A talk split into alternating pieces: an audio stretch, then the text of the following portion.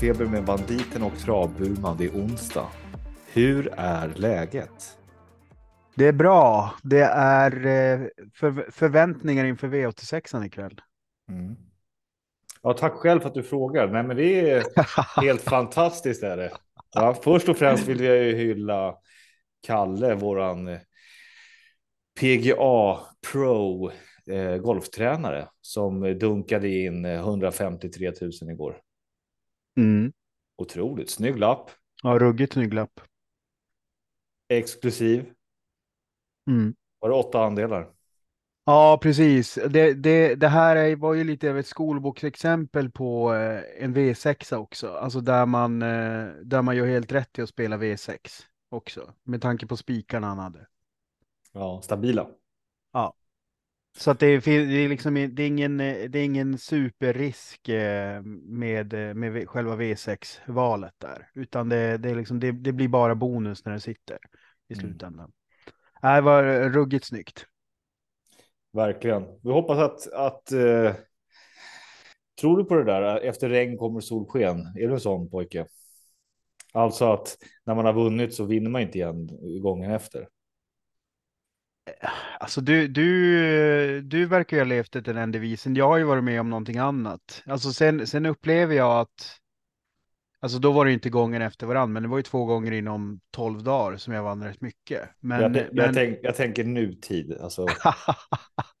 ja, du, menar, du menar att det förändras sen de tre åren när jag hade min storhetstid? Precis. Det är Ja. där, därför i skolan brukar man prata om att det här är liksom före eller efter. Visst, liksom, en händelse liksom. ja. Nej, men så här, om man ska vara lite allvarlig så är det ändå så att jag, jag tycker att åtminstone min erfarenhet är att jag, jag är en bättre tippare när jag har liksom eh, fog för att ha självförtroende.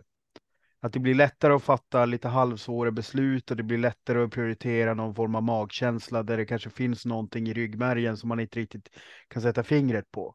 Mm. Så att vi får se nu om Kalle kan surfa på den eh, vågen. Han har ju varit nära tidigare. Det var väl bara, vad var det, två, tre veckor sedan han var nära på V75 också. Mm. Det var lite klappkast spik i sista där. men- Ja, det var ingen bra spik, men annars Nej. var det också en snygg lapp. Så att han, han, eh, han är duktig, Kalle. Kalle är duktig. Ska vi inte, ska vi ge honom för mycket. Men det som var otroligt, det måste man ändå säga. Det kändes lite som en Harry Boy där en stund. I fjärde loppet har han med åttan, Amazing Nag, 1 procent med Per Lennartsson. På fyra hästar. Ja, fast jag kollade på det där ändå. Det, det är ju, den är sjätte mest sträckad. Så att han, han chasar två som är, alltså det är så här, det, det är bra, det är snyggt liksom. Men, men så, alltså jag tycker att det är ju helheten som gör, som gör lappen. Ja, det är möjligt. Nog om Carl von Linné. Vi går vidare. Har du någon annan spaning? Ja, alltså jag måste ju få ryta till nu lite och då handlar det om V64 omgången i måndags på Mantorp. Där det var en massa kalabolik med hästar. Eh, hände i flera, flera, jag tror att det var två hästar i samma lopp där, det blev, där de slet sig båda två. Och det blev ju då omstarter och hästarna skulle skena runt varsin gång innan de kunde fångas in. För det här var ju då två hästar i olika omgångar om jag inte minns fel. Eller så var det två lopp. Men skitsamma. Men det är ju det här med att vi då inom svensk travsport slår oss för bröstet om hur duktiga vi är med hästvälfärden och att hästen är i fokus. Spelet är sekundärt. Det handlar om att hästarna ska må bra. Hästarna ska vara rockstjärnor i all sin right och liksom eh, ompysslas och ha det jättebra. Med allt det sagt så finns det ingen som helst punkt på dagordningen att vi ska få in outriders i, uh, ute på banorna. Och outriders är ju då ryttare som rider runt för att kunna fånga in uh, hästar som har slitit sig och spring, springer löst.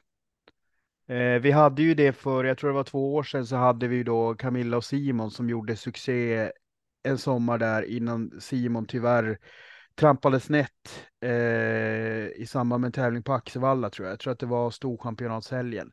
Så att han ju då tyvärr var tvungen att avlivas.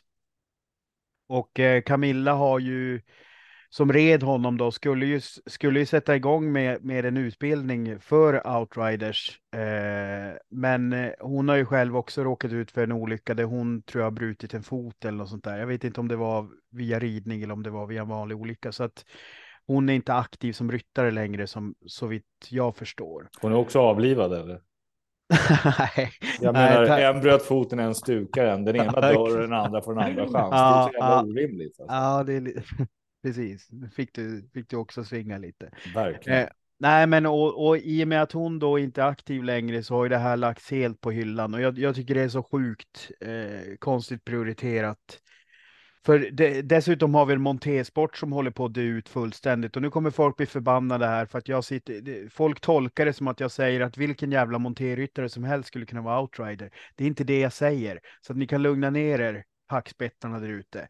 Det jag menar är däremot att exempelvis Camilla skulle kunna hålla i den teoretiska delen i en utbildning och kunna assistera ute i, i ridövningarna eh, stående på marken. Sånt funkar också. Är man en duktig pedagog så fixar man det. Det, det vinningen finns är ju att skulle vi utbilda några monterryttarna till att också vara outriders så får ju de fler jobbtillfällen. Säg att vi har tre till fyra outriders i Sverige som, som täcker av varsitt område på de stora tävlingarna. V86, V75, GS75 och vissa V64. Alltså framförallt kvällstravet så att man ser till att ha outrider där till att börja med. Och då får de här monterryttarna i de regionerna får betydligt mer arbetstillfällen. Så för mig är det win-win och jag tycker att det är otroligt konstigt att man inte prioriterar det för i första hand för hästvälfärden, men sen också för det här andra på grund av jobbtillfällena som skulle uppstå. Mm. Ja, kostnadskalkylen ska hålla ihop. Men jag hör det, det är väl intressant. Eh, måste inte hästen vara lite speciellt tränad för det där? Eller kan man ta vilken kuse som helst och gå ut och bara? Nej, absolut. Det är, en del, i, det är en del i det också. Och som jag fattar det så är det väl eh, Simon var väl ingen travhäst heller. Han var väl galopphäst. Så att det är väl kanske så att det är galopphästar som gäller, som är lite avdankade. Jag, jag, jag kommer ihåg att Svante Båth ordnade en insamling till Camilla om två hästar. Eh, så jag minns inte vad, om det var travare eller om det var galoppar också. Men absolut, det är ingen, det är ingen lätt puck att lösa, men den borde stå högre upp på agendan än vad det gör just nu. Jag kan, jag, kan, jag kan, inte alltid leverera lösningen till svensk travsport, men jag, jag måste ändå liksom få, få peka på saker som inte hänger ihop. Nej. Sen kommer det här tas upp i någon annan, ett annat media och så kommer du undra varför. Varför nämner de inte Burman här? ja, men det är väl livets lott som, eh, som, som travmegafon. Ja, helt rätt. Ja, okej, okay, då har du fått säga ditt om Outriders. Vi yes. håller tummarna. Det blir jättekul. Ja. Ja. Fram till dess, låt hästarna springa. Kommer ihåg den, den, den låten? Är det inte Thomas Ledin? Släpp hästarna fria. precis, precis. Den borde spelas varje gång är Exakt, exakt.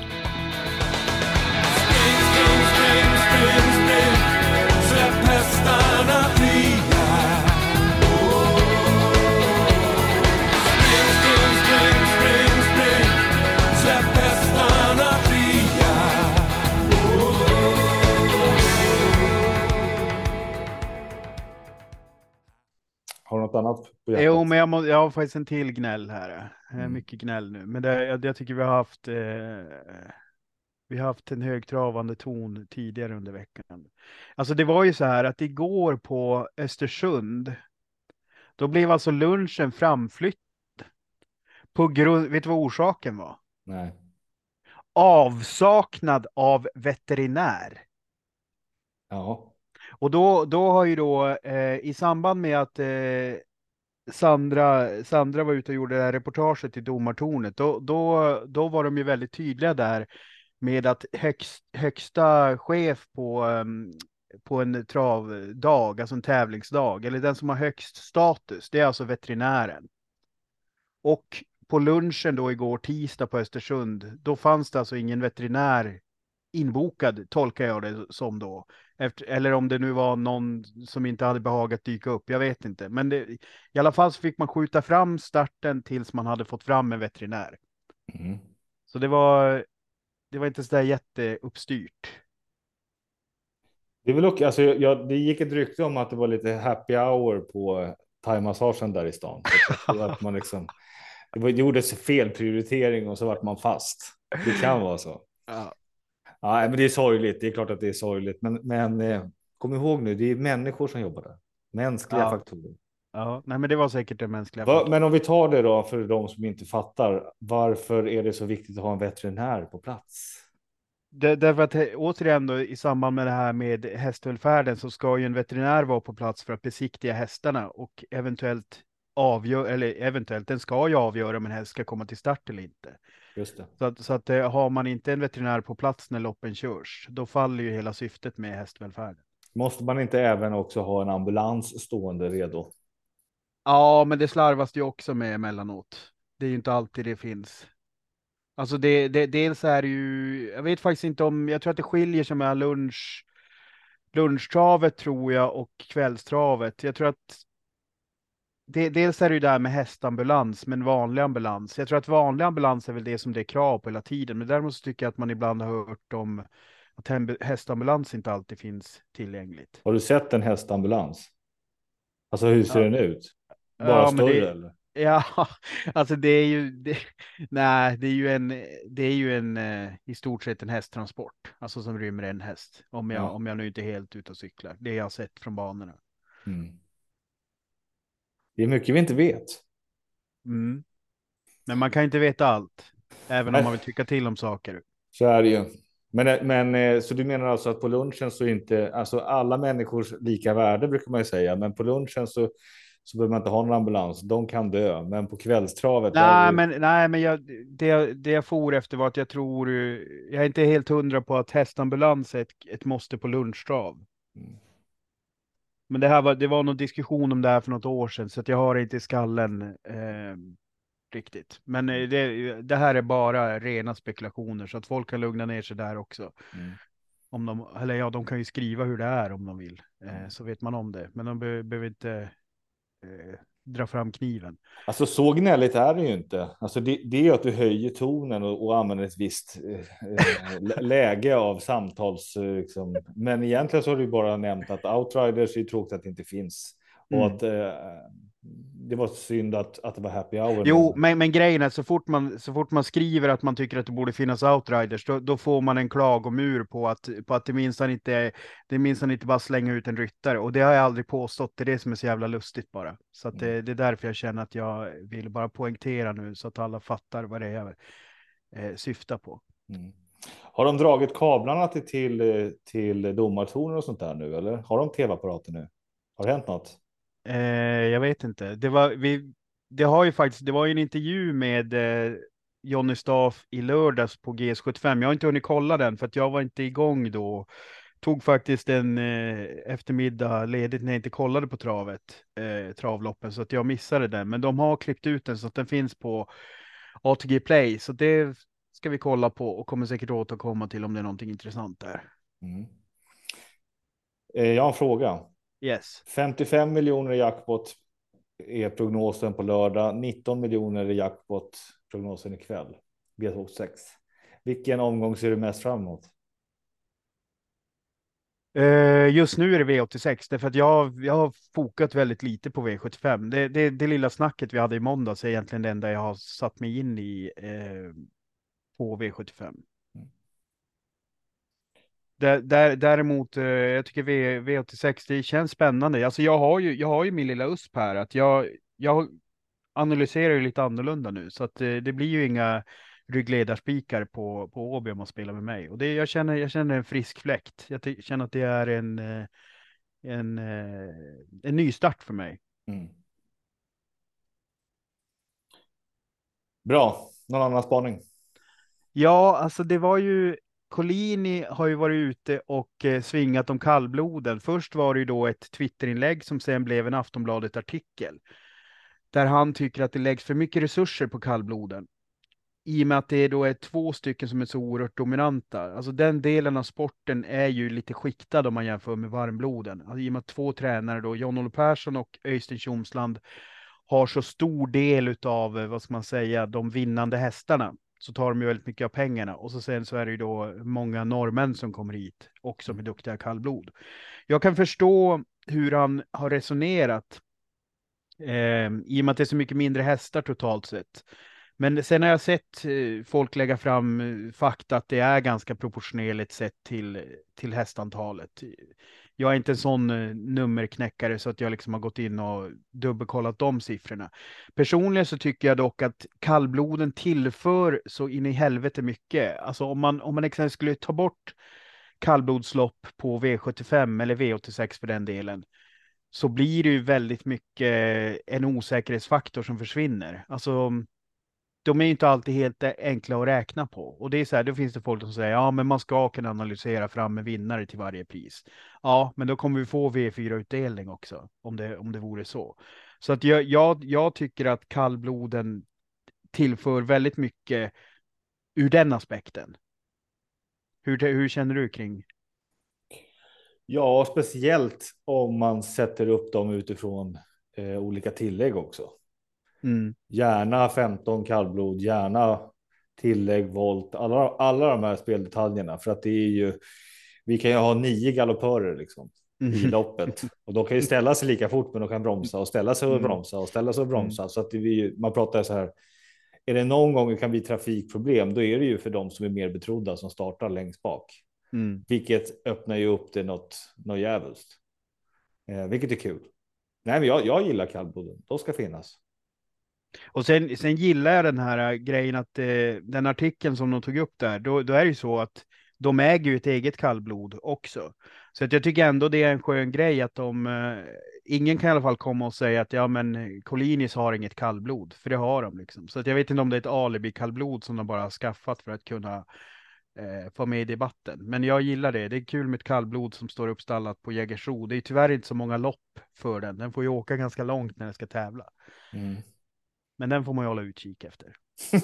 ja, vad heter den? jag vet, någonting, det var, alltså något av deras, alltså typ så här Achilles eller något sånt där. Ja. Man får gå in och läsa artikeln, jag tror att det stod där. Cold face. ja, varför inte? Ja, har, du något, har du något annat? Du nej, nej, nej, men nu, nu, nu, har, nu, har, nu har vi rytit, eh, rytit ifrån tillräckligt här. Ja. Det är fokus på V86. Nu ska vi knäppa Kalle på näsan ikväll. Det är inte svårt. Jag tror han är iskall en vecka. vi eh, laddar framåt och så hörs vi på fredag.